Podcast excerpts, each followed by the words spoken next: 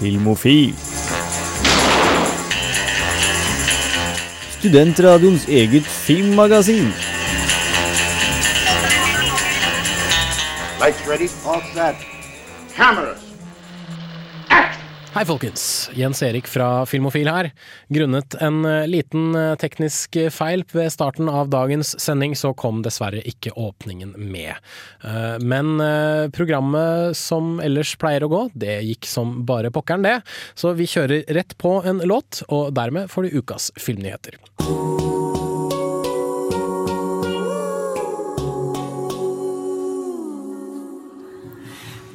Du fikk Blood Diamonds med Phone 6 featuring Grimes her på Filmofil på Radio Revolt, som forhåpentligvis nå har teknikken i gang og kjører på med litt filmnyheter. Filmofil gir deg nyhender fra filmen og fjernsynets i spanende vær. Gaute, hva slags spennende filmnyheter har du på tampen? Ja, jeg har en liten nyhet om en viss kis som kaller seg selv for Ryan Gosling. Eller han heter vel kanskje det. Han heter jo Ryan Gosling, Kjent fra filmer som kanskje Crazy Stupid Love, for å nevne én. Uh, The Notebook vet jeg at det er sikkert mange kvinnelige lyttere ja, som skriker til radioen. ja. Men uh, uansett uh, Skal jeg bli fornærma nå, eller? Nei, jeg sa ikke det. Eh, Det er vel heller jeg som skal bli fornærma, for du likte ikke Drive uansett. Ryan Gosling, Hva skjer med Ryan Gosling? Nei, han eh, nøyer seg ikke med å være skuespiller. Nei. Nå skal han også bli regissør. han har en klar en, et manus som han har skrevet, som han skal regissere. da. Så han gjør altså en George Clooney. Ja, han gjør sikkert ikke bare han som har gjort det, men George Clooney, han tar en George George Clooney, hvis vi kaller det denne gangen. Eh, debutfilmen han skal hete How to Catch a Monster. Eh, og den skal visst eh, blande fantasy, eh, noir og ja, Den skal handle om en alenemor som blir kasta i en mørk fantasiunderverden. Samtidig finnes tenåringssønnen tenåringssønn en hemmelig vei som leder til en undervannsby. Og er her to må hjelpe hverandre til å få familien til å, deres til å holde i livet. da. Høres kjempespennende ut. Ja, det høres eh, det litt eh, merkelig, litt surrealistisk, ut, så jeg vet ikke hva det kommer til å bli til slutt, men det høres veldig spennende ut, i hvert fall. Hva, ja. Lykke til til Ryan Gosling.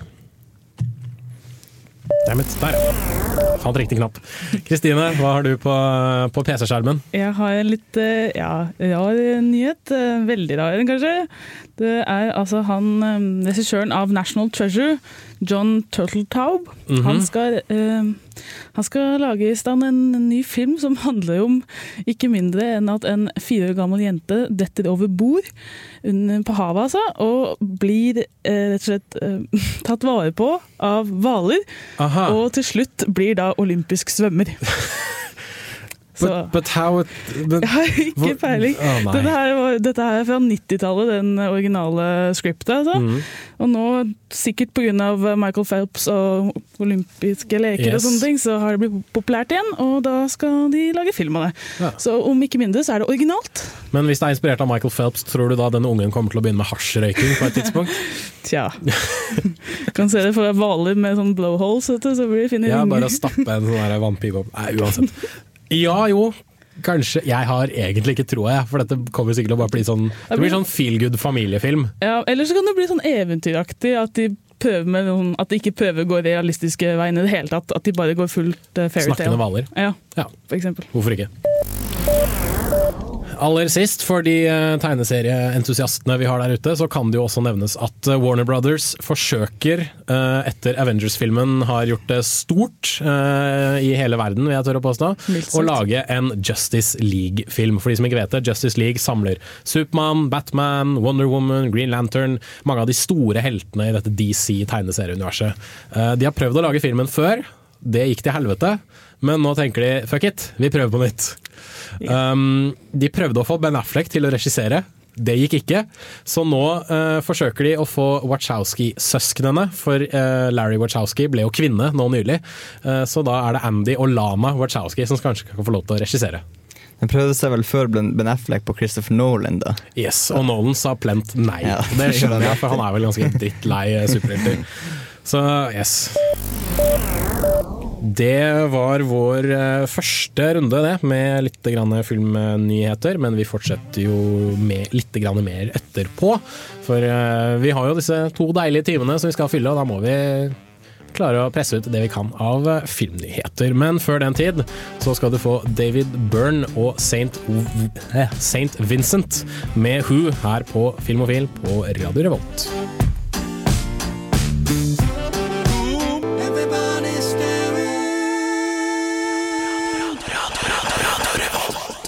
Det stemmer, du hører på Radio Volt. Du fikk eh, David Byrne og St. Vincent med Who, og vi skal ha litt flere filmnyheter. Filmofil gir deg nyhender fra filmen og fjernsynets i spanende verden. Kristine, du har litt filmnyheter om, om Elvis. Ja, vi har det. Vi Han har... er ikke kommet tilbake fra liksom, romvesenet eller noe sånt? Nei, dessverre, dessverre ikke. Jeg må, skuffe mange der. Eh, det blir altså kanskje kommer en biopic om Elvis. Kult. Og hvis det blir gjort ordentlig, så kan det bli dritkult. Så det er altså, De har kjøpt opp rettighetene til um, boken som Elvis sin stebror skrev. David E. Stanley heter han. Og Boken heter 'Conversations with the King Journals of a Young Apprentice Graceland'. Og filmen skal kanskje hete 'Growing Up Graceland'. Stilig. Er det noe snakk om manusforfatter, regissør, noe som helst? Ikke Ingenting? Noe. Nå er det bare at uh, producer Gene Kirkwood av et ja, firma som heter Bitesize skal Mm. eh, kjøpe opp rettighetene. Du som er Elvis-fan, Ja. hvem er din ideal-Elvis? Åh, gud. det, det er vanskelig å si, altså. Um, det er mange mulige. Mm, bare Men- nevn, nevn noen. Nei, jeg, vet, jeg greier ikke å ta det sånn på sparket. um, det, må, altså, det må jo være noen som ikke altså, Du kan ikke bare ha at du ligner på Elvis, for det kan sikkert mange uh, gjøre, men den den sjarmen og den Altså det som er liksom Elvis, for det er, Nei, jeg vet ikke hvem det kunne være. Det er helt umulig å si. Det er vanskelig. Ja, Da lar vi det være sånn, og så går vi litt videre. Fordi den norske filmen Kon-Tiki uh, har nettopp slått en annen norsk film, nemlig Max Manus, uh, for beste åpningshelg i Norge. Og det var uh, et, 165 000 og 22 000 personer Vent, da, det ble feil. 165 og 22 000, ja det gir det mening? 165 og 22 000. 165 000 og 22 Ja, det gir Yes, mening. det, det er det jeg leder etter. Eh, Så Kon-Tiki eh, under åpningshelgen, og det var 200 Nei, det var 200. 22 000 flere enn som så Max Manus. Ja, nå Yes. kom det.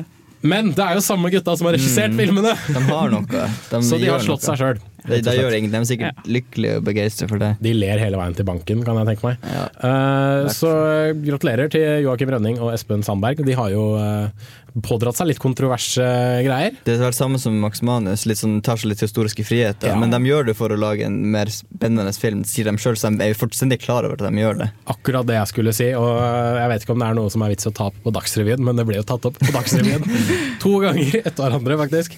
Så yes, gratulerer. Det var eh, vel fortjent, vil du si, Kristine? Absolutt. Det er en storfilm eh, altså, på Hollywood-nivå. Altså, det er eh, bra effekter, bra skuespillere. Det er skikkelig eventyr. Vi, eh. Vi tar litt mer av det etterpå, fordi du skal få lov til å snakke fritt om Kon-Tiki. For det er jo en stor film, og vi mener at det er lurt å ta tak i, selv om den hadde premiere forrige uke. Så eh, mens vi lar Jesse Ware med Sweet Talk begynne å spille, så kan jo du Kristine begynne å samle tankene litt om eh, Kon-Tiki. Og så bare kjører vi på med litt mer musikk her på Filmofil på Radio Revolt.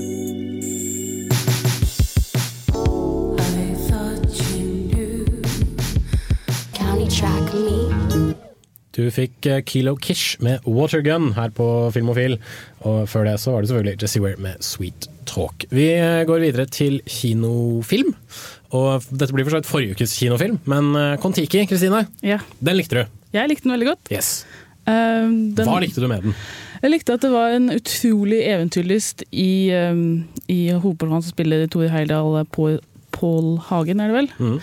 Han liksom, Du ser det i øynene hans at han er, han er helt sånn Han skal ut. Han tror virkelig på dette Han her. tror virkelig på det. Han er veldig Mm. overbevisende. Og jeg likte veldig godt at du ble liksom dratt med i den verden, samtidig som eh, den kontroversielle figuren Watzinger, da, Mm. eh, han på en måte står inn for kanskje litt hvordan vi ville reagert hvis vi var der ute på havet. Han er litt sånn eh, Litt om publikum stand-in, kanskje? ja, litt feig og litt sånn Han er ikke historisk korrekt, det, skal, det må vi si med en gang. Um, Men, blir det en god historie av at han er feig, eller eh, hadde det ikke noe å si, syns du? Jo, altså jeg tror at uten noen konflikt i det hele tatt, så hadde du ikke Da kunne du like så godt bare sett på dokumentaren. Ja. Ikke sant? Så på en måte så, så må du jo finne på et eller annet for å gjøre det, for å gjøre det liksom nytt. Ja. For, ellers så kunne du bare lagd, lagd en dokumentar, men dette her er en spenningsfilm. Og da må du ha litt konflikter. Og jeg synes det funker på en måte at for vi som sitter hjemme og ikke har noen sjanse til å dra ut på en sånt eventyr, vi tenker de kan jo ikke ha hatt det så lett, på en måte. Så, så ja, hvis jeg hadde sittet på en flått i 100 dager, så hadde jeg begynt å ha hatt lyst til å slå til han ved siden av innimellom. Så, Ja, sånn sett så funker det. Det blir eh, Det er kanskje ikke realistisk, men det blir en god historie ut av det.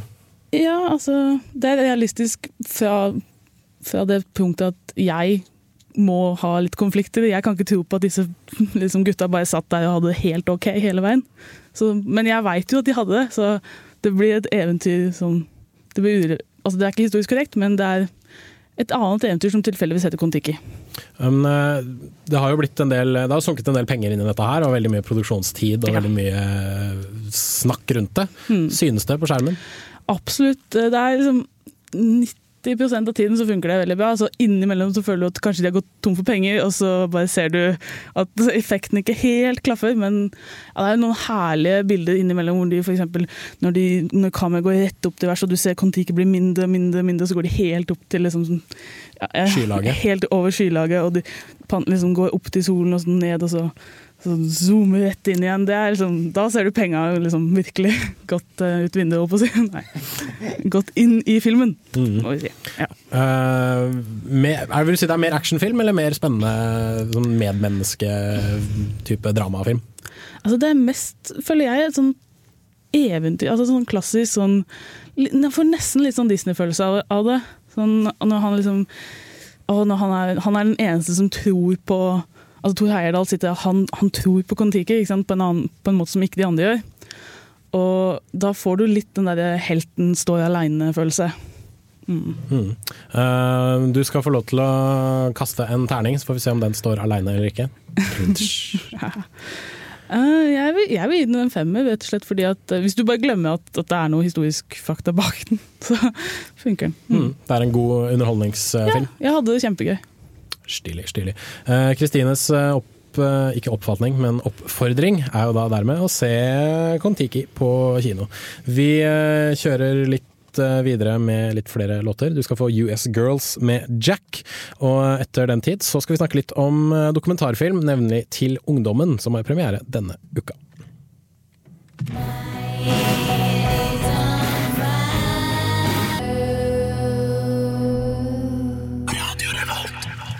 Du fikk US Girls med Jack på Filmofil her på Radio Revolt. Og eh, nå skal vi eh, ha et lite intervju, ikke nødvendigvis i studio, men tatt opp på forhånd, som det som ofte er på eh, radio.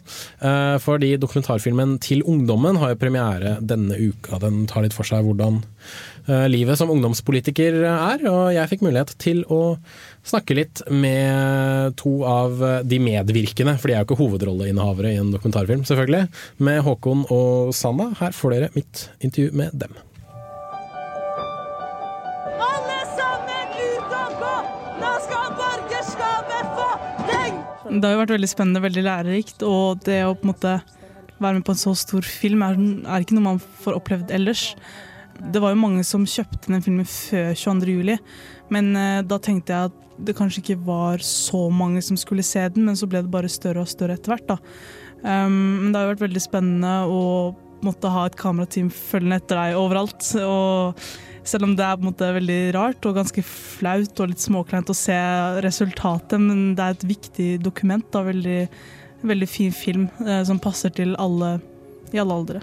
Eh, Det har absolutt vært lærerikt. Og Karianne, regissøren, er jo en veldig trivelig dame også, så det har vært helt ok å ha henne hengende etter seg. Håkon og Sanna er ungdomspolitikere og medvirkende i den nye norske dokumentarfilmen Til ungdommen, som tar for seg livet som ungdomspolitiker i Norge. Filmen dokumenterer også det politiske engasjementet i Norge før og etter 22. juli. Håkon og Sanna har i det siste reist landet rundt i forbindelse med filmens lansering. Filmens innspilling, samt det å se seg selv drive politikk på storskjerm, har vist seg å være en meget spennende opplevelse. Det er litt spesielt å se på den startsfasen, altså der du på en måte øver og forbereder debattinnlegg og sånn, og på en måte sammenligne det med hvor du, med hvor du står i dag. da. Det er veldig spesielt måte, å se hvordan jeg var som 16-åring med liksom, regulering og dårlig stil og osv. osv. Men eh, det er veldig, jeg det er gøy, men er litt, er, man er ikke vant til å høre seg selv, eller se seg selv på en så stor skjerm. Da. Ungdommer som oss kan også drive med politikk. Man trenger ikke være høyutdanna eller måtte ha en sånn skikkelig jobb der man tjener ordentlig penger for å måtte drive med politikk. Eh, Jeg håper jo at folk blir mer engasjert i filmen, og spesielt ungdom. Eh, Ungdomsengasjement er jo veldig viktig. Så jeg håper absolutt at folk eh, lar seg engasjere og tar det med seg videre. Det er jo en fin film. Absolutt. Ja, jeg er fornøyd, jeg også. Det er jo en veldig viktig film. Men sånn generelt sånn å se seg selv, det er jo det som er rart. Men sånn meninga i filmen og budskapet er jo veldig veldig fint. Jeg tror det er en viktig film. Jeg tror det er en film som kommer til å bli vist når, på, måte, på skolen når man skal snakke om det som skjedde eh, 22. juli. Men eh, definitivt en viktig film. Filmen kom på skinn 31. august. Se den.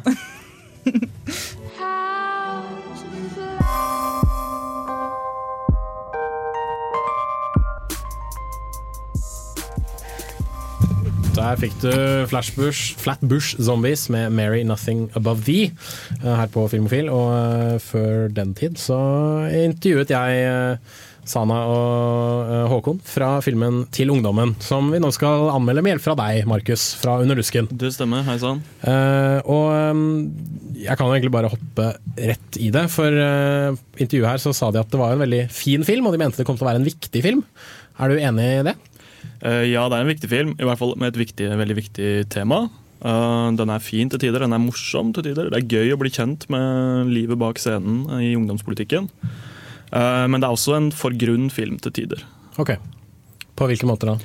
Det handler mye om at eh, der hvor regien tar overhånd, eh, og man skal bli litt sånn bejaende og lage litt sånn montasjeaktig heiafilm, så går man i stedet glipp av muligheten til å på en måte kunne gå litt dypere inn i et par av problematikkene man støter borti på disse her. da. Ok. Um, og, men dette var jo en film som var allerede under innspilling før dette 22. juli eh, skjedde. Ja.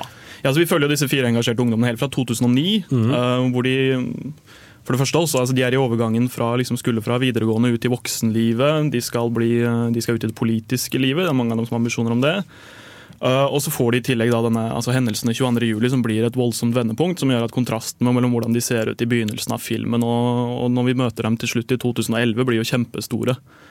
Uh, så det er helt sant. Eh, og Noe av det som kanskje gjør mest inntrykk, er disse scenene tidlig, som, tidlig i filmen hvor vi snakker med dem i 2009-2010, som blir profetiske og illevarslende. da. Eh, hvor du på en måte ser mye av dette her eh, mye av motstand de møter, men også mye av hatet de møter som ungdomspolitikere. Mye av det verbale de må tåle og stå imot. Uh, men så kommer det også til scener på, filmet på Utøya tre timer før tragedien.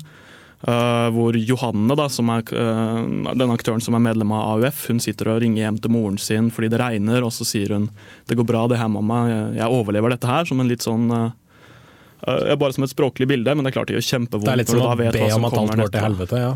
Ja, det blir, det blir veldig, veldig, veldig vondt å skulle se disse scenene. Nesten mer vondt å se hvor godt de har det i forkant, enn det er å på en måte få høre alt dette som har skjedd i etterkant. da. Mm. Um, og, men ja, det du nevnte, de, de må jo tåle en del kanskje litt drittslenging noen ganger. Men I denne traileren så er det en som er medlem av eh, Fremskrittspartiet Ungdom. Blir rett og slett spurt rett ut hvordan, hvorfor er du med i et rasistisk parti.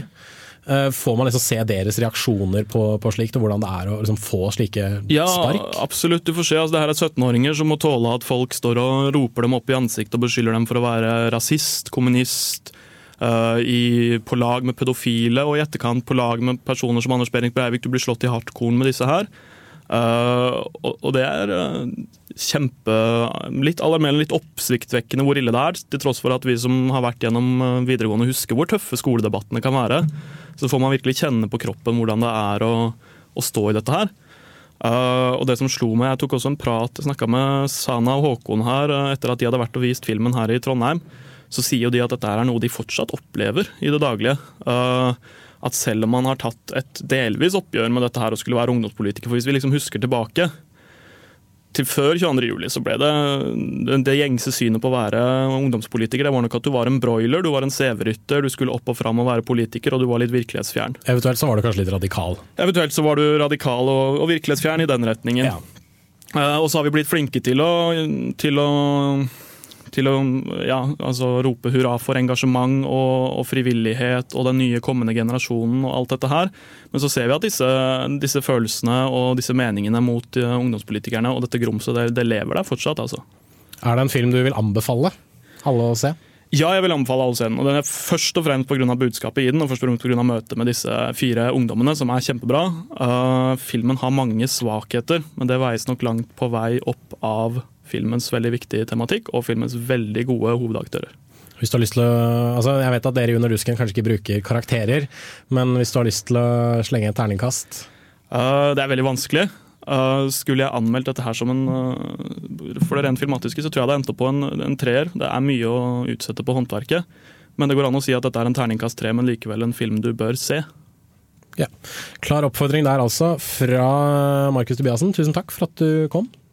Takk for. Og hjalp oss å anmelde film. Det var kjempetrivelig. Vi skal Oi sann, feil knapp. Unnskyld. Vi skal høre litt grann mer uh, musikk her på Filmofil, før vi går videre til min anmeldelse av den nye Pixar-filmen Brave. Så vi kjører på med litt Baroness med 'March to the Sea'.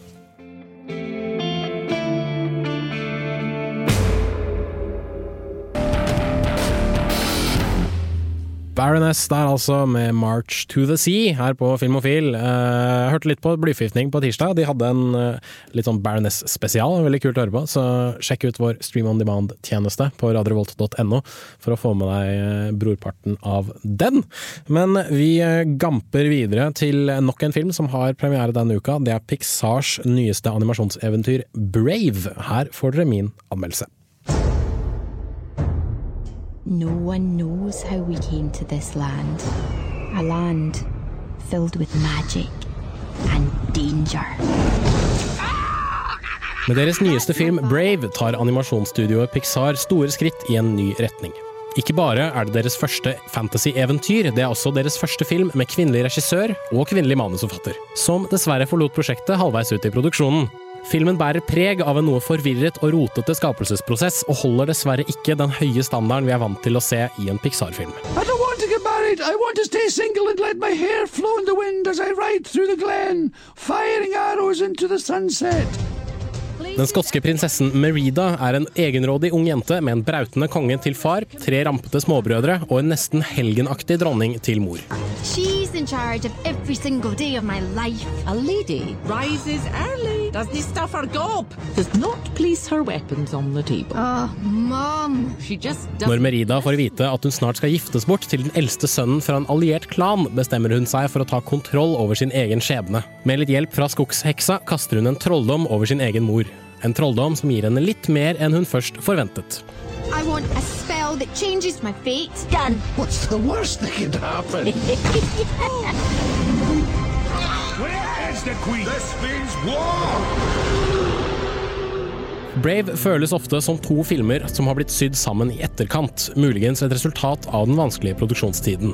Pixar benytter seg av sin vante standardformel der en sta hovedperson gjennomgår en personlighetsforandring i løpet av sitt storslåtte eventyr. Men sammenlignet med tidligere Pixar-filmer holder ikke historien mål. Løsningen på filmens sentrale problem er så enkel og åpenbar at selv de dummeste i salen kommer til å forstå løsningen lenge før vår hovedperson gjør det.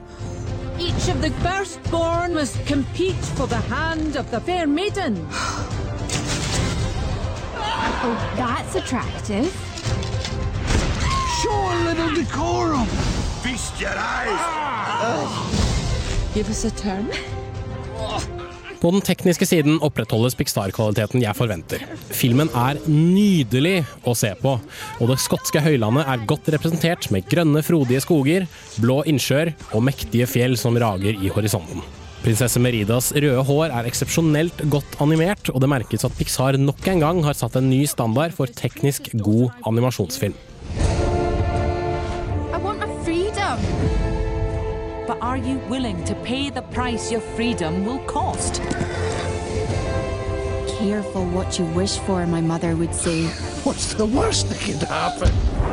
Dessverre er ikke Brave en av Pixars beste filmer, men det betyr ikke nødvendigvis at filmen er dårlig i seg selv. Nydelig animasjon og godt skuespill gjør opp for en litt laber historie. Dette er, til tross for de negative elementene, god nok underholdning for både store og små. Terningkast fire.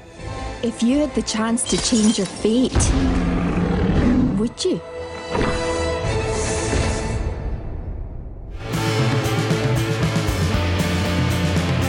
Yippee-ki-yay, motherfucker. Du lytter til Filmofil på Radio Revolt. Besøk oss gjerne på våre nettsider på radiorevolt.no filmofil.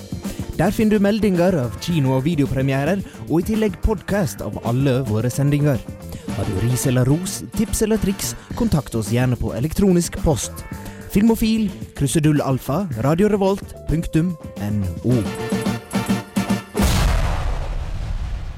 Det stemmer, du hører på Filmofil. Du fikk uh, Snøskred med We Are, het låta. Og uh, vi er eh, ferdig med ukas kinopremierer.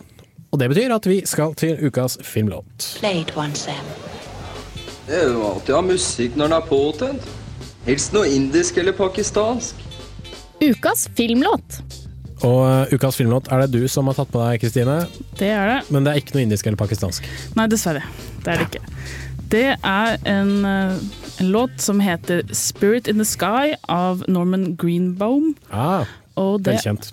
det er fra filmen 'Michael' med, fra 1996. Hvor John Travolta spiller engelen Var Michael. det, var det da John Travolta var litt feit? Eller begynte å bli litt ja, feit? litt sånn smålubben i hvert fall. Ja, Ja. Det har, vel, har, har han vel ikke slutta å bli heller. Nei. Den filmen så jeg på flyet til Tyrkia. Følte du at du hadde englevakt? Nei. Ikke? Nope. Leit. Ja. Men eh, Michael, han spiller jo engel. Ja, han, eh, jeg var veldig glad i, i John Travolta da jeg var liten. Så jeg, og det var en sånn tid på 90-tallet hvor engler var overalt. Du hadde TV-serier, du hadde filmer. Ikke sant? Så det, jeg vet ikke, det var liksom vampyren av 90-tallet. Det var engler. Det var liksom Ja, overalt. kanskje det. Ja. Kanskje det.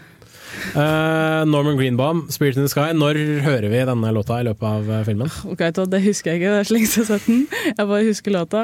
og- Men det er allikevel en veldig kul låt. Det er det. Skal man vel eh, eh, påpeke. Jeg tror den har blitt brukt i en eller annen sånn Vietnam-film også. Altså, det høres ut som sånn type sånn, sånn som blir spilt over noen sånn Vietnam-bilder liksom rett ved siden av Creedence Clearwater Revival. Ja? Bad Moon Rising er ferdig, så kjører de på med Spirit in the Sky i stedet for. Jeg veit den ble brukt i uh, en Supernatural-episode. Og du er veldig stor fan av Supernatural? Det er jeg, spesielt musikken. Ja, absolutt.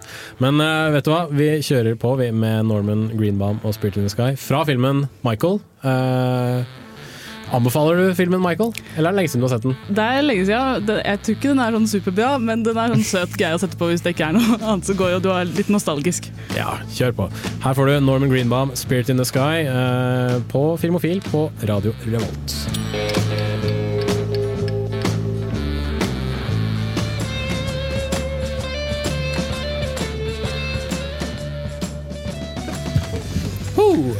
Norman Greenbaum er altså Spirit in the Sky fra filmen uh, Michael.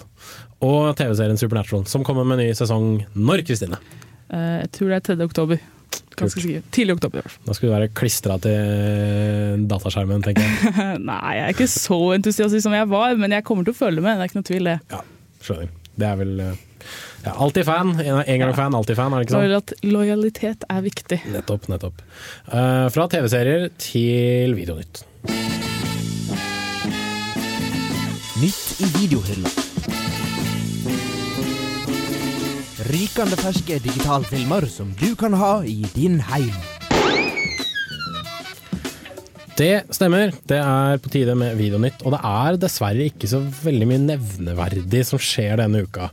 Uh, Into the White, den norske, eller den norsk-tysk-engelske, fransk whatever-filmen, eh, har videopremiere. Eh, den norske Hulder-filmen Tale har videopremiere. Vi må snakke om Kevin har videopremiere. Den likte du veldig godt, eh, Kristine. Eh, Tror- Nei, det gjorde du ikke! Det gjorde du ikke, Beklager. Det var noen andre jeg kjenner som het Kristine som likte den. Ja. Du likte den ikke, fordi du syntes han var så rar. Jeg syns han var for eh, ja, pretensiøs, nærmest. Altså, han var så veldig velkonstruert at du så rett igjennom hele greia. Mm. Og um, The Walking Dead sesong to. Noen som følger med på The Walking Dead her? Dessverre ikke. Ikke? Du har ikke noe zombieinteresse du, Gaute? Nei, men det er jo en film som heter Good Old Fashion Orgy. ute da. Det er mer din greie.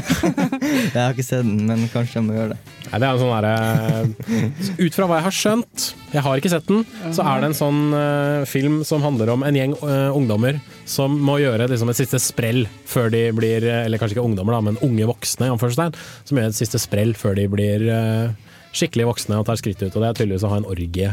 Har dere sett Parfymen? Nei. Ok, Har du sett Parfymen? Men jeg har sett slutten av parfymen. Ja, okay, for da når det- alle da er det verdens største orgie, Øh, så kanskje ja. noe sånt kan tenke.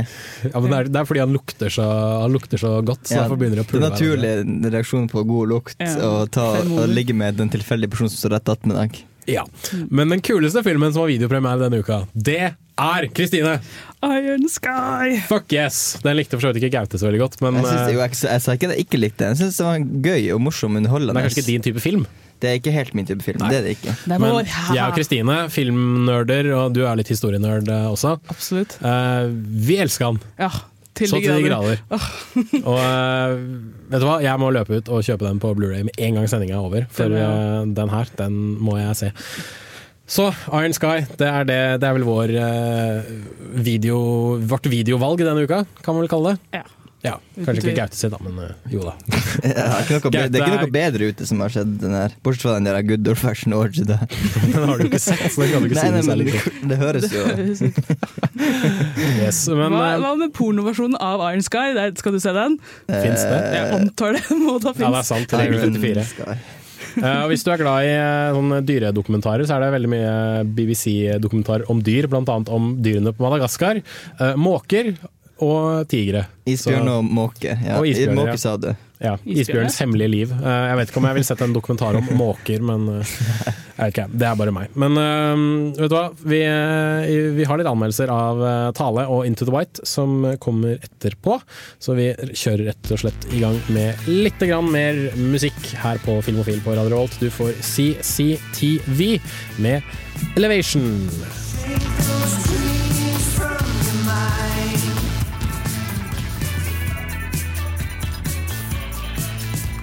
CCTV der altså, med Elevation her på Filmofil på Radio Revolt. Forsvinner sakte ut i eteren, og der var den ferdig. Vi er eh, litt i videohjørnet fortsatt, og eh, jeg anmeldte filmen Into the White da den hadde kinopremiere for ja, det er vel ca. et halvt år siden, kanskje? Ish. Um, og den filmen kan du kanskje tenke deg å se hvis du er glad i litt sånn andre verdenskrig-ting, og ikke minst en ting som er basert på en sann historie, for det er det jo. Uh, og hvis du har lyst til å se Rupert Grint i noe helt annet enn Harry Potter, så kan jo Into the White uh, anbefales. Uh, vi kjører på med min anmeldelse fra i fjor, eller fra for et halvt år siden.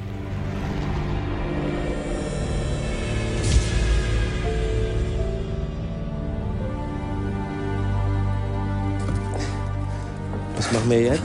Wir marschieren an die Küste, stoßen zu unserer Armee und kehren zurück in den Krieg.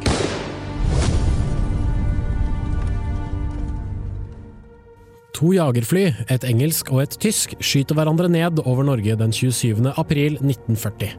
Tre tyskere og to engelskmenn ender opp med å søke tilflukt i samme jakthytte høyt oppe på fjellet.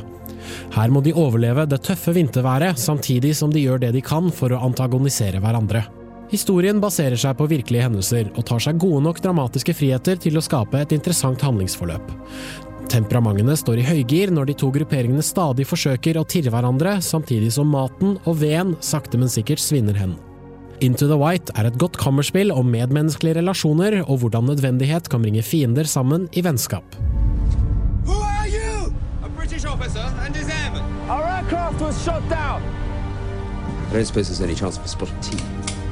you? A British officer and his airman. Our aircraft was shot down. I don't suppose there's any chance of a spot of. You're now officially prisoners of the Third Reich. Sollten wir sie nicht erschießen? Nein. Warum nicht? Wir sind keine Hottentotten schwarz. Når såpass mye av handlingen foregår på et lite område, legges det mye press på både skuespillere og manus. Dialogen er velskrevet og karakterutviklingen spennende å se på. De to fiendegruppene tvinges stadig til å arbeide sammen, og den store krigen som omkretser dem virker ytterligere absurd og latterlig jo mer de lærer hverandre å kjenne. Not a very sporting gesture. This is war, not a silly game in your country club. You win the pissing contest, Doug. Congratulations. Dessverre når aldri filmen opp til de store spenningstoppene. Selv om maktbalansen mellom de fem skifter flere ganger i løpet av filmen, følte jeg aldri at noen av dem var i særlig livsfare. Fokuset ligger heller på den medmenneskelige dramatikken framfor å skape store spenningskurver. Det overraskende er hvor sympatiske de tyske soldatene blir i filmen, et grep jeg setter stor pris på. De er ikke nazister, de er bare soldater, folk som må følge ordre. Stort sett er det de britiske soldatene som fremstår som stereotyper. Løytnanten Charles Davenport er en typisk overklassebrite med veltalen tunge og en Porsche aksent, mens skytteren Robert Smith er en arbeiderklassekar fra Liverpool. This is the British side, and this is the German side. Why are you Germans so obsessed with rules and regulations? You will never understand. That is why Germany is great and the British Empire is crumbling. Crumbling? Nonsense. The Empire is doing fine. De tyske soldatene blir til tider også litt flate typer, bestående av en kynisk og lei offiser, en idealistisk og håpefull skytter, og den stoiske kjempen som sjelden sier noe som helst. Selv om rollene er litt tynne, er skuespillerne gode nok til at dette ikke gjør så veldig mye. Når de fem deler krigshistorier, eller snakker om kvinnene som venter på dem hjemme, er det nesten så jeg begynner å se på dem som troverdige figurer. Men bare nesten. Into the White er et godt kammerspill med en fin historie, men regissør Petter Ness kunne gjerne utnyttet den trange fangsthytta enda bedre. Jeg får aldri følelsen av klaustrofobi eller brakkesjuke. Jeg sitter dog igjen med en god følelse etter å ha sett filmen, og hvis du har lyst til å se et ålreit kammerspill fra andre verdenskrig, anbefales Into the White. Terningkast fire. Face it.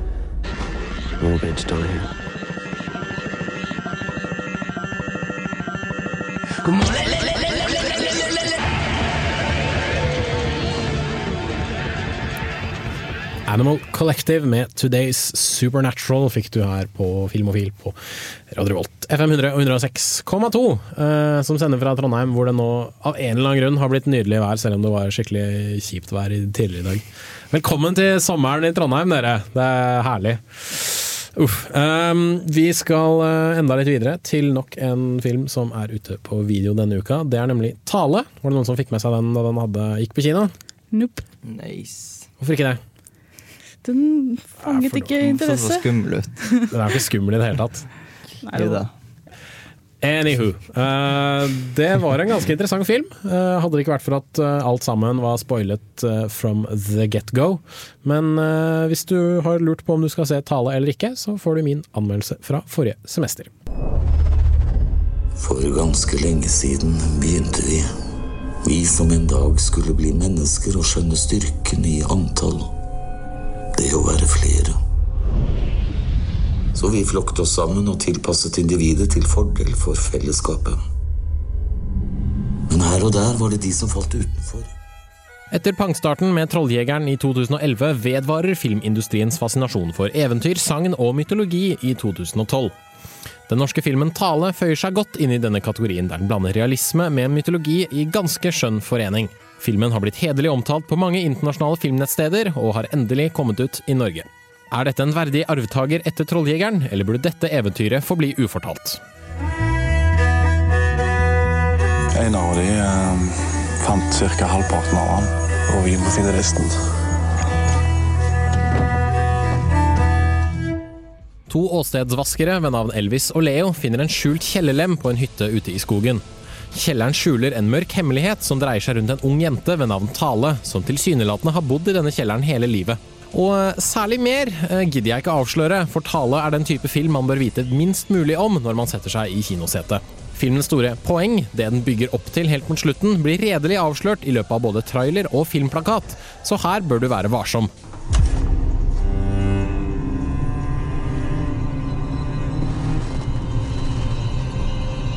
Denne her gikk ut på dato i 89. Akkurat som i Trolljegeren handler Tale om vanlige mennesker som må komme overens med det faktum at det finnes en større verden der ute enn det de hadde trodd. Filmen er på sitt beste når denne mytologiske eventyrverden hintes til i bakgrunnen av filmens virkelige verden. Den burde ha forblitt i bakgrunnen, for når den store avsløringen kommer, er det litt som da vi fikk se romvesenene i Science. Det er mange slike Shyamalan-aktige twists i løpet av filmens gang, men når avsløringene vises, bryr jeg meg fint lite, stort sett fordi jeg ikke bryr meg særlig mye om karakterene. Kompisene Leo og Elvis er nesten uten personlighet, med påtatte personlige konflikter som preger dem i større eller mindre grad. Vil deres problemer bli løst i løpet av filmen? Selvfølgelig. Hadde de trengt disse personlige problemene i det hele tatt? Egentlig ikke. De er der i et forsøk på å gi dem troverdige personligheter samt utfordringer de må hanskes med. Men deres personlige problemer har ikke noen påvirkning på handlingen. Du har nesten størkna fast i gulvet, altså.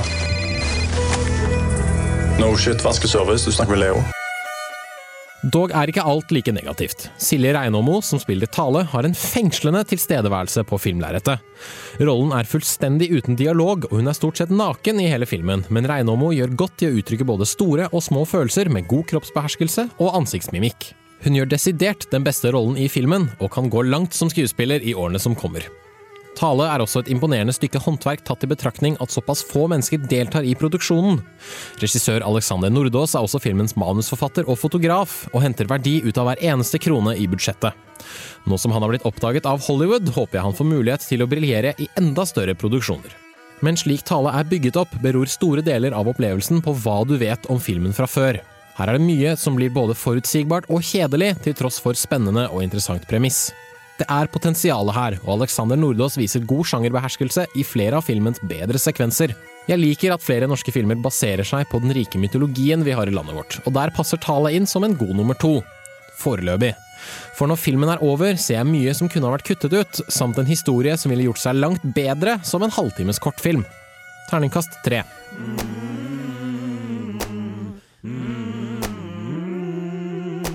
Filmofil?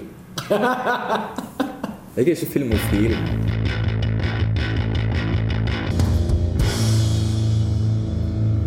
Sunswitch der altså, med Sunswitch 3. Og uh, før det så fikk du Dirty Projectors med Offspring Are Blank. Og før det igjen så hørte du min anmeldelse fra forrige semester av den norske filmen Tale. Og nå skal jeg ikke gå lenger bakover i tiden. Eh, men eh, vi kan eh, Jeg syns vi skal snakke litt om filmer som vi har sett i sommer. For det er jo disse store sommerblockbusterne som kommer ut. Og så er det jo også det at om sommeren så har man rett og slett tid til å se mye mer film. Enten det er ny eller gammel. Så er det noe spesielt dere har lyst til å snakke om? Jeg vet ikke om jeg tør å snakke om Prometheus. jeg. Kjør på! ja, ok, da snakker vi om Prometheus. Du likte Prometheus. Jeg likte Prometheus. Det gjorde ikke jeg. Nei, og de fleste andre gjorde ikke det. Så, så jeg, men da er jo hevden for Drive. Ja, ikke sant? Vi kan, vi kan si at eh, vekten har Ja. blitt balansert. Jeg likte Drive, det gjorde ikke du. Du likte Prometheus, det gjorde ikke jeg. Greit nok. Uh, ja, Prometheus, men hva var det som var så Hva syns du var så bra med den? Den fikk meg til å tenke. For, altså, tenke på universet og skapelse og, og masse sånne filosofiske ting som, som sci-fi-filmer prøver ofte å gjøre, men ikke gjør på den skalaen. Da. Og jeg syns det visuelle var utrolig flott, og jeg elska Michael Fassbender. Han var helt fenomenal. Der er vi enige. Uh, og jeg bare jeg likte å, å liksom sitte hele tida og tenke ok, hva er, det, hvem, hva er det alle vil egentlig? Liksom, hva er motivasjonen til alle sammen? Og ja, det er massevis av plot holes, og det er massevis av ulogiske feil, men jeg så dem, og så jeg tenkte nei, det er ikke så viktig å bry seg om det, for det, altså, det gjør man hvis man virkelig liker en film, så bryr man seg ikke om det. Hva med deg, Gaute? Er det Noe spesielt du ønsker å trekke fram? Du, du nevnte tidligere at du, du ser, har sett mye på TV-serier også. Nei, Har ikke det? det har jeg ikke. Ah, ja. Jeg har sett på én TV-serie, så uh, ikke veldig lite det.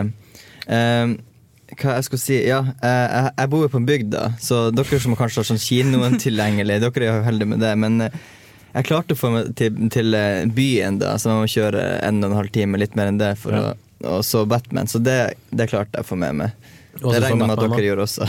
Hva syns du om Batman, da? Jeg syns den var grei. Jeg syns uh, noen ting kunne vært mye, mye bedre. Mm. Men uh, jeg håpa at den var ferdig før den var ferdig.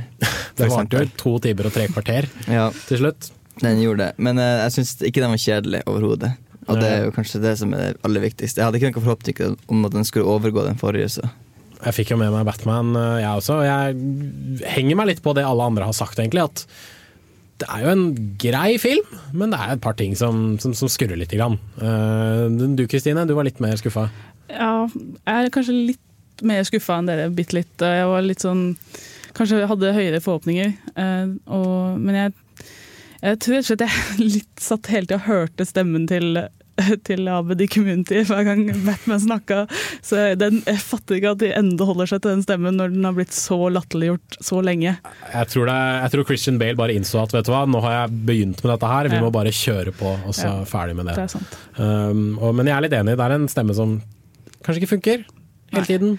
Nei. Men uh, nei, hvis man skal gjøre noe for å skille seg ut, eventuelt eh, sette så mye gap mellom Bruce Wayne og Batman som overhodet mulig, så hvorfor ikke kurkle små gråstein, liksom. Jo, men det blir litt sånn som Clark Kent og brilla til slutt, at alle må jo skjønne hvem det er nå, og så, så sitter du der og venter på Jeg skal ikke gå inn på dette med Clark Kent og brillene, for der har jeg faktisk en forklaring på okay. hvordan det er. Men eh, så jeg tror rett og slett at vi kan ta den mens vi hører en ny låt, så kan vi fortsette diskusjonen litt grann etterpå. Vi eh, kjører på med Dan Deacon og Lots her på Film og Film.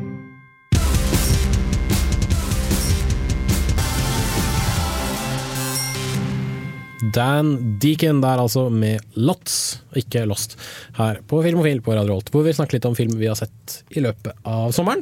Og eh, du Gaute hadde en fin liten liste, faktisk. Mm. Eh, Men det er stort sett ting du ikke har sett på kino, det er kanskje ting du har sett hjemme. Ja, jeg kan nevne fort, den er ikke så stor da Gjennom de viktigste så kan jeg ta og si hva, hva som jeg anbefaler etterpå Kjør på. Gainsbourg, American Reunion, Rushmore, Grizzlyman, Confessions of a Dangerous Mind, Millennium-trioen og The Fighter. Oh, det var Ja. litt, av en, eh, litt av en liste. Ja, det er, det er veldig spredt. eh, Det er litt dokumentar, litt komedie, litt diverse. Eh, Men jeg, jeg, jeg, dere har sikkert ikke hørt om den filmen som heter Gainsbourg? Jo. Har dere det? Ok, ok, men den syns jeg var vanvittig kul. Det Den var litt sånn kontroversiell også da den kom ut. så det vet jeg ikke så mye om. Men den handler i hvert fall om han Sergi Gainsbourg, som er en sånn fransk musiker. Da. Han er, eller fransk eh, poet, musiker, multikunstner. Da. Eh, han har lagd eh, den eh, mest kjent for den der den der den, den som var med ja, Den som ikke Det var sånn, det gikk så mange år før den fikk Den, var, den handler jo bare om å Jeg vil eh, smyge meg mellom beina dine, og jeg elsker det. Og har masse Puling på godt norsk. Den handler bare om puling. Så den, når han lagde den, så fikk den overhodet ikke lov til å komme ut. Han lagde den jo med sin daværende elsker, som heter Brigitte Bardot. Mhm. Som er jo en av tidenes uh, sexsymbol. Og, og, ja. uh, og han er bare Det handler om han, da. Det er en sånn biopic, sant. Mhm. Så han er bare Han elsker sigaretter, alkohol og damer, og han er bare Jeg synes han Og så har han sånn Den er gjort på en veldig kul måte. Han, man, han har liksom en sånn figur som følger med seg, sånn helt umenneskelig, rar, lang mann som Mhm. liksom Som bare han ser, da. Så han er litt sånn sprø også, men eh, ja, veldig, veldig kul. eh, Veldig kul sånn, og gjort noe annerledes enn vanlige sånn biopic-filmer. Du som er litt uh, Wes Anderson-fan, fikk du med deg den godeste Moonrise eh, Kingdom? Nei, den, eh, den har vi fått veldig bra så Jeg, så Rushmore, som vi var Ja. det du tenkte på. Så Mm. ja, jeg gleder meg. Jeg, det var, så jeg, nå, jeg har sett alt av han nå, så jeg mangler, det var bare Rushmore jeg mangla. Og Moonrise Kingdom nå, da, som, som jeg tror blir bra. Men jeg har ikke fått se den ennå. Den var veldig corky. Ja, det, men Det forventer man kanskje. Men eh, ja, veldig, mye, veldig mye pastellfarger, veldig mye flanell og, og ja, 60-tallsdekor på, på alt sammen. Men eh, jo, en relativt spennende film. Eh, du Kristine, du så 'Lawrence of Arabia' for n-te gang, eh, sa du i stad. Ja, det gjorde jeg rett etter jeg kom hjem fra Prometheus, selvfølgelig. Fordi, fordi han, eh, Michael Fassbender ser på den i, i Prometheus. Så Mhm. kom jeg rett hjem og satte på min, en av mine absolutt favorittfilmer. Eh, den er bare storslagen på alle måter. Og Ja, det er en helt utrolig fascinerende mann. Så filmen er ikke Den kan være kontroversiell, den òg, ifølge hvem du snakker med. Så, men absolutt verdt å se hvis du bare vil ha noe skikkelig stort, og hvis du liker gamle filmer. Mm. Uh, og var det noen filmer i sommer dere ikke likte, som dere så?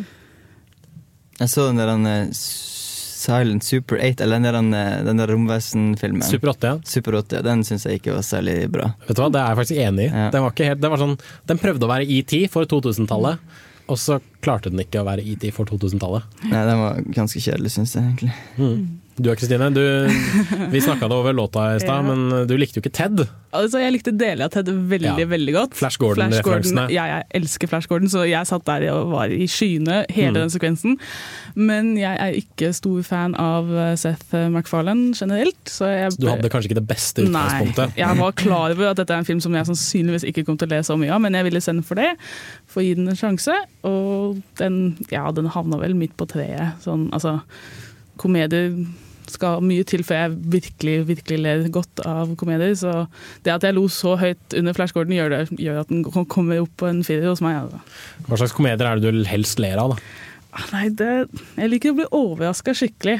Så det må være noe sånn For eksempel, jeg husker første gang jeg så Zoolander, da lo jeg ja, skikkelig. Fordi den Altså Tropic Thunder, for eksempel, er er genial. Og så alle sånn Monty Python, sånne gamle britiske ting, da. Det er jeg veldig glad i. Stilig. Uh, på min selv, altså på min side, er det det det heter? Ja. Eh, jeg syns Ted var dritmorsom, men jeg tror det er en sånn guttefilm Det det, framfor det. altså Det er jo ikke en jentefilm, i anførselstegn. Det var jo en spøk en stund på, uh, på nettet om at da Ted og Magic Mike hadde hatt premierer, så dro alle jentene for å se en film om en stripper. Og alle gutta dro for å se en film om en teddybjørn. Veldig sant. Så det sier kanskje litt om liksom, målgruppene for disse eh, typer filmene. Da. Ja, men det finnes jenter som liker Family Guy og, og, og Seth MacFarlane også. Det er det absolutt. Så, Det er det absolutt. Men jeg tror det er en del av vitsene som er veldig guttete. Det, må, altså, det fins guttevitser, Det de sånn- gjør det. Det er homovitser og prompehumor og alt mulig sånt, men eh, Det kan være morsomt det òg, men eh, ikke hvis du ikke tåler den gnålet til han Seth MacFarlane. Absolutt. Men da slår vi en liten strek over det, og kanskje du som hører på har fått en liten eh, ja, god litt tipsliste om filmer du kan se nå i sommer. Gaute hadde jo en hel rekke som han bare spøy opp med, så hvis du, hvis du hører på podkast, får du bare spole tilbake og begynne å skrive ned alt det han nevnte i stad. Eh, Vi skal anbefale litt eh, TV-serier etterpå, etter at vi har hørt Blood Command med Cult of the New Beast her på Filmofil.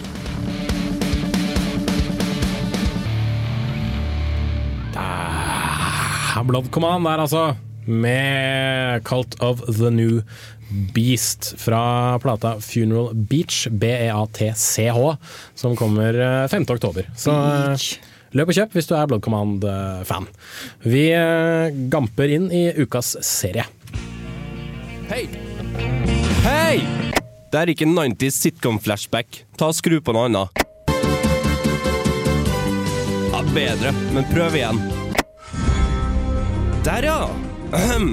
Filmofil presenterer ukas serie. Og eh, ukas eh, serieanbefaling er det du som har tatt med deg, Kristine. Yes, det har jeg. Og dette er kanskje en av de TV-seriene du har brukt sommeren Det på å se? Det er det. Jeg har brukt sommeren til å se fire sesonger hvert av det. Nesten i hvert fall. Sesong fire holder på ennå. Eh, Det er en serie som heter White Color.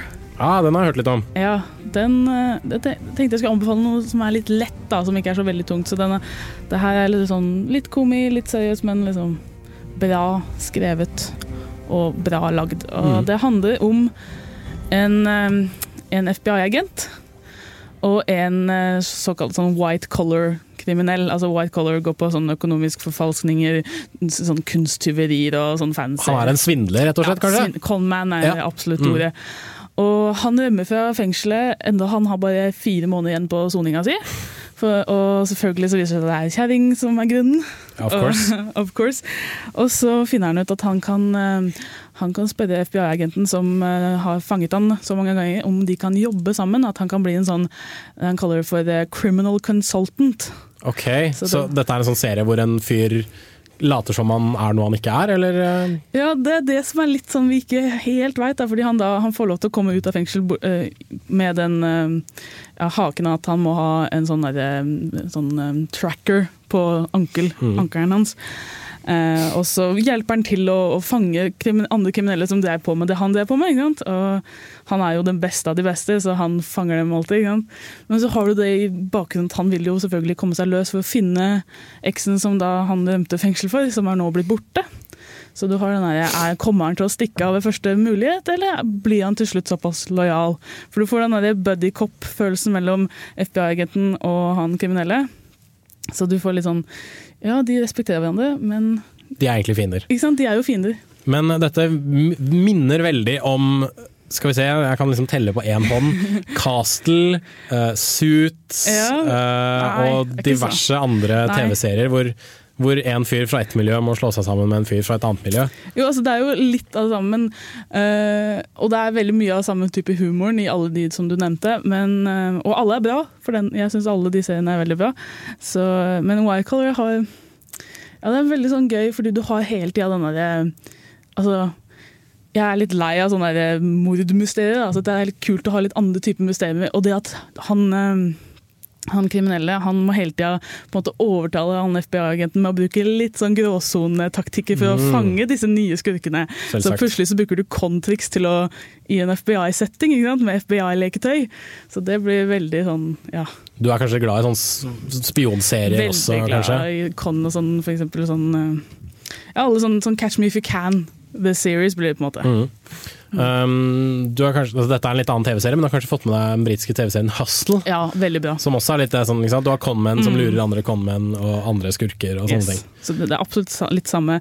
Men det beste er rett og slett forholdet mellom de to. og De får veldig sånn buddy cop-forhold. Og så har du også en tredje karakter som heter Mozzie, og han er så herlig. Han er en liten fyr, og han er kameraten til kriminelle, så han er conman han òg. Men han er så utrolig paranoid og konspirasjonsteoretiker, og han tror på liksom, Hitler-kloner og det at vi ikke gikk på månen, og han er, ja, han, han er den som fikser sånne små ting, da, liksom. Men uh, en ting jeg merker med en del sånne serier, er at de kommer liksom ikke noe sted. Er det framgang Ja. i, mellom sesongene og i sesongene? Absolutt, jeg var, det var jeg veldig overraska over egentlig i den serien her. At du har utrolig sånne lange story arcs for hver sesong. For den første sesongen handler det hovedsakelig om at han skal prøve å finne ut hva som skjedde med eksen. Og så, ja, så går det enda videre. Du får hele tida nye ting som han må prøve å fikse, og som kan strekke seg over hele sesonger. Du får annet sånne store sånne, eh, sunkne ubåter fra andre verdenskrig med full av eh, skatter og sånne ting, så du får skikkelige konspirasjonsteorier. Og du får liksom, han må finne for eksempel sin fortid, er det en sesong som handler om. Finne liksom, hva som skjedde med faren. Så du har lange historier bak disse morsomme heistene. da. Høres meget uh, stilig ut. Ukas serieanbefaling der altså var uh, White Collar. Mm. Og den uh, er vel ute å finne på DVD, i og med at det er fire sesonger som har Ja, kommet ut. Så Kristine gir den en gullstjerne og anbefaler på det varmeste. Vi eh, begynner å gå litt mot slutten, men vi skal jo likevel spille litt musikk av eh, den grunn. Eh, vi er jo et radioprogram, og radioprogram må dessverre spille litt Ikke dessverre, men må jo spille litt musikk i ny og ne. Vi kjører på med Ungdomsskolen med Askefast her på Filmofil på Radio Revolt.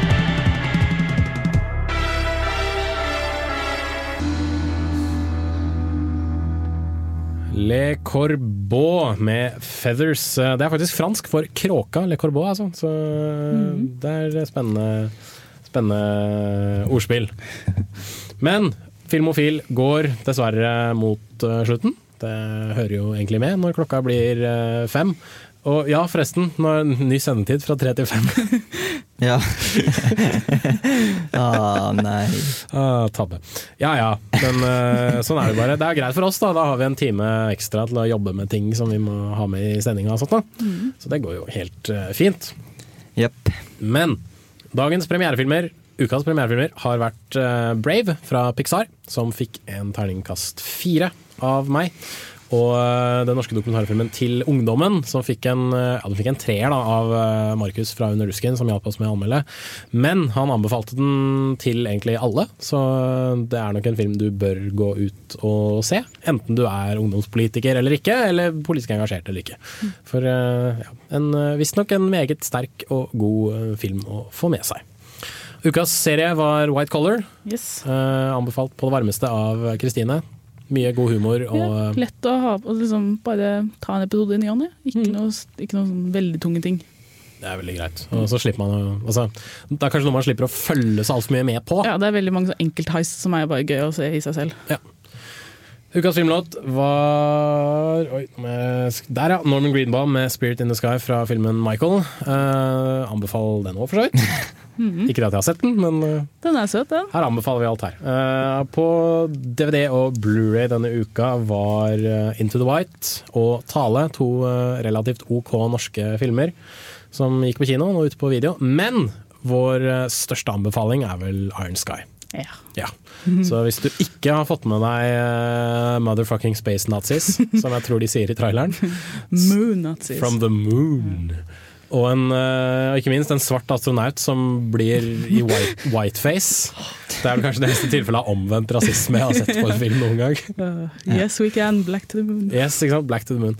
Uh, Iron Sky anbefales absolutt. Det er en utrolig morsom film, spesielt hvis du er litt sånn filmnerd og litt historienerd.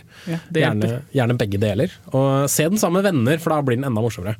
Og da sitter du og ler som eh, bare rakkeren. Kristine vifter eh, enighets, enighetstegnet som vi har her fra studentradioen. Yes, vi har vært Filmofil. Mitt navn er fortsatt Jens Erik Våler. Gaute Eliassen har jeg hatt med meg i studio. Ja, jeg har vært her. Og Kristine, selvfølgelig. Eh, lik oss på Facebook, facebook.com slash filmofil. Og ikke minst, alle anmeldelsene våre kommer ut på radiorevolt.no slash filmofil. Og der kan du egentlig finne alle anmeldelsene vi har gjort. De kan du lese eller eh, høre på om du så vil det. Men eh, da avslutter vi med Wiz Khalifa og Still Got It featuring Project Pat. Vi hørs.